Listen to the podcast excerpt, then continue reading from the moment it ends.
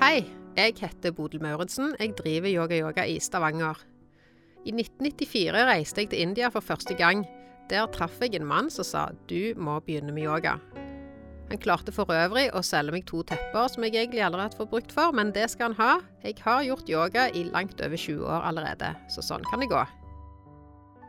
Håper du vil høre på noe av det jeg har erfart gjennom disse 20 årene. Pluss jeg er utdanna gjengyogalærer, ayurveda-konsulent og sivilingeniør. Og ikke minst, jeg har lært utrolig mye av alle elevene som har gått på timer hos oss på yoga-yoga. Episode 16 Er du vata, pitta eller kaffe? Det er jo utrolig stort dette her, ayurveda. Nå skal jeg forklare noen eksempler på hvordan du kanskje kan gjenkjenne deg om du er vata, pitta eller kaffe. Som er altså en blanding av de tre doshaene, vata, pitta og kaffa. Denne blandingen er en refleksjon over hvordan vi er, og hvordan vi oppfører oss. Til tider er jo dette her veldig beskrivende, morsomt, men også kan jo til dels være brutalt ærlig for noen, da. Men husk at ingen personer er like. Allikevel finner du kanskje noen tendenser du kjenner deg igjen i, eller du kjenner igjen folk du kjenner i. Og her er det bare noen eksempler, da. Um, men da bør vi først og som sist innse at vi er en god blanding av både gode og mindre gode egenskaper. Kunnskapen om doshaene gjør at vi kan bli gladere og mer balanserte mennesker. Alle doshaene er like bra, men vi ønsker å være balansert mellom de tre, tre. Så er vi mye pitta, vil vi redusere pitta, og, ønske, og da vil vi ønske å øke vata og kaffe. Er vi mye vata, vil vi eh, ta oss og dempe vataen, men øke gjerne pittaen og kaffen. Dr. Vasant Lad, som er en av de største innenfor ayurveda i dag, beskriver frykt, penger, sinne og årstider på den beste måten i sin bok Ayurveda, Natural Health Practices for Your Body Type from the World's Oldest Healing Tradition. Mens jeg da beskriver yoga. Hvis vi gjør dette her, så det er viktig at vi skal ikke dømme, vi skal bare observere. Det er viktig å huske at det er ikke noe som bedre enn noe annet. Vi har forskjellige kvaliteter, vi er født med de, og sånn er det. Hvis vi skal måle eller prøve å vurdere ut ifra frykt, så har dr. Vasant Lad en, et supert eksempel. Det er tre personer i et rom. En er vata, en er pitta og en er kaffa. En kobraslange blir kasta inn i dette rommet. Vata-personen besvimer eller hopper ut av vinduet. Pitta-personen tar en pinne eller stein og dreper kobraslangen. Kaffa-personen tar seg sammen og roper til pitta-personen 'drep han, drep han', men vil ikke drepe sjøl. Så klarer du å gjenkjenne deg i løpet av de, altså de tre forskjellige her, så har du litt mer mening på hvordan du reagerer til, mot en av disse doshaene, da.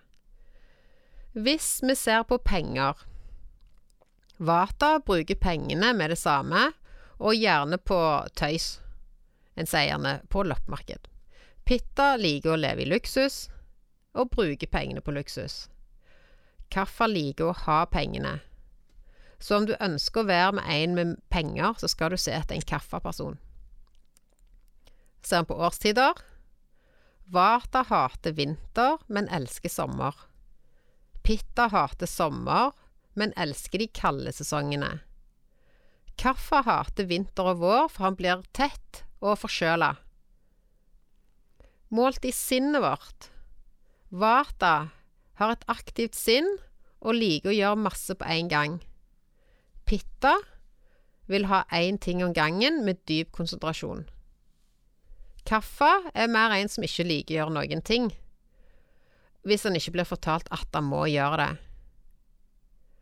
Hvis den er balansert mellom de tre dosjene, så har han ikke så klare tendenser som her. Og vi kan jo balansere dosjene, hvordan vi lever, spiser og tenker, sånn at vi ikke blir veldig tydelige på om en er vata, pitta eller kaffe. Og siden vi driver med yoga, så vil jeg òg kommentere hvordan er det de forskjellige dosjene i yoga. I utgangspunkt skal all yoga balanseres. Men nå er det sånn i Vesten at vi har forskjellige yogaretninger. noe BKS sa flere ganger, at det fins ikke noe som er yogaretninger. Men det er altså yogaretninger sånn så at noen av disse retningene da forsterker noen av doshaene. Vi har jo forenkla yogaen veldig mye i Vesten, og dermed så er det kun små deler av yogaen som blir praktisert. Men når du er på yoga, da, hvordan liker du yogaen? Er du en som vil ha musikk, opptatt av omgivelsene? Liker du mest yoga der det en rulter rundt på gulvet, som vi gjerne uttrykker det som, eller er du ute etter å bruke yogaen til å studere dypere? Hvis du er vata, så elsker du å ha mye valg. Du vil gjerne ha musikk, du vil ha en satt stemning, mange alternativer istedenfor å gå i dybden. Og den, og den slutter fort om en blir kjedelig. Altså En vata-person vil gjerne ikke holde ut så lenge. Vata må være i bevegelse og like vinyasa. Vata kan ha store utfordringer med å fordype seg og holde stillingene lenge. Pitta ønsker informasjon og å gå i dybden. Pitta ser at yogaen er langt utenfor det en gjør på yogamatten, og ser gleden i å studere sitt eget sinn og de positive og negative sidene, og studere sin kropp. En pitta ønsker å lære mer og liker å studere både den fysiske yogaen og filosofien i dybden, og en kan trygt si at iyengar-yoga er pitta sin yoga. Kaffa har muligens aldri begynt på yoga, eller gadd ikke fortsette. Men om en kaffeperson gjør yoga, liker den yoga som er veldig rolig, f.eks. som det en gjerne kaller for yin-yoga, eller gjerne medisinsk yoga i Norge. Det er ganske rolig yoga de fleste plassene. Men husk, vi er alle en blanding av disse tre, men vi har tendenser. Men det som er greia, er jo at det vi i hovedsak liker best, er ikke nødvendigvis det beste for oss. For eksempel, er du vata, liker du kanskje vinyasa, men vinyasa kan gjøre deg mer urolig over tid enn rolig. Altså, vinyasa kan øke vataen i deg. Er du kaffa og ikke beveger deg noe særlig, stagnerer du fordi kaffen i deg øker. Det er det som er så fint med yengar-yoga. Den har alle elementene til vata, pitta og kaffa, men grunnlaget og grunnstammen krever pittaen sin utholdenhet.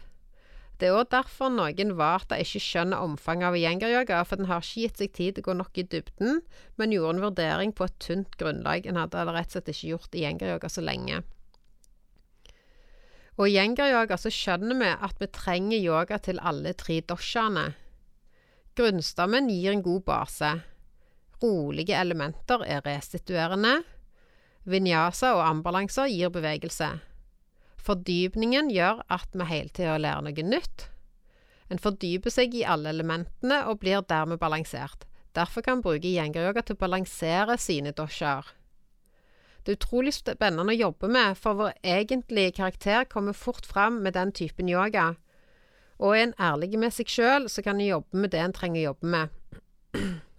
Så når vi gjør yoga, så kommer liksom våre dårlige og gode sider fram og så håndterer vi det når vi gjør yoga, istedenfor at vi står der og har en eh, eksplosjon foran noen vi gjerne ikke skulle ha en eksplosjon foran, eller vi trakk oss tilbake i en situasjon vi ikke skulle trekke oss tilbake. Så hvis du er nysgjerrig på hva type du er, så har du kanskje allerede fått en idé basert på disse eksemplene, kanskje ikke. Men du kan søke på nett, du kan ta test eh, på nett, du kan gjøre ayurveda-analyse hos meg, hos en ayurveda-konsulent, eh, hos en lege, ayurveda-lege. Men altså, begynn på nett. Søk deg litt rundt. Jeg sjøl mener jo da at ayurveda er det morsomste og mest interessante måten å lære om livet og helsen og psyken vår sammen med iyengar-yoga. Fordi jeg er en som liker kunnskap og fordyper meg i et fag, der mange har gått milevis foran meg. Jeg trenger ikke finne på noe nytt. Den kunnskapen er der ute i yogaen og i ayurvedaen. Så jeg håper du blir inspirert til å søke deg litt videre på dette her. Tusen takk for at du hørte på. Temaene jeg tar opp, er basert på deres ønsker.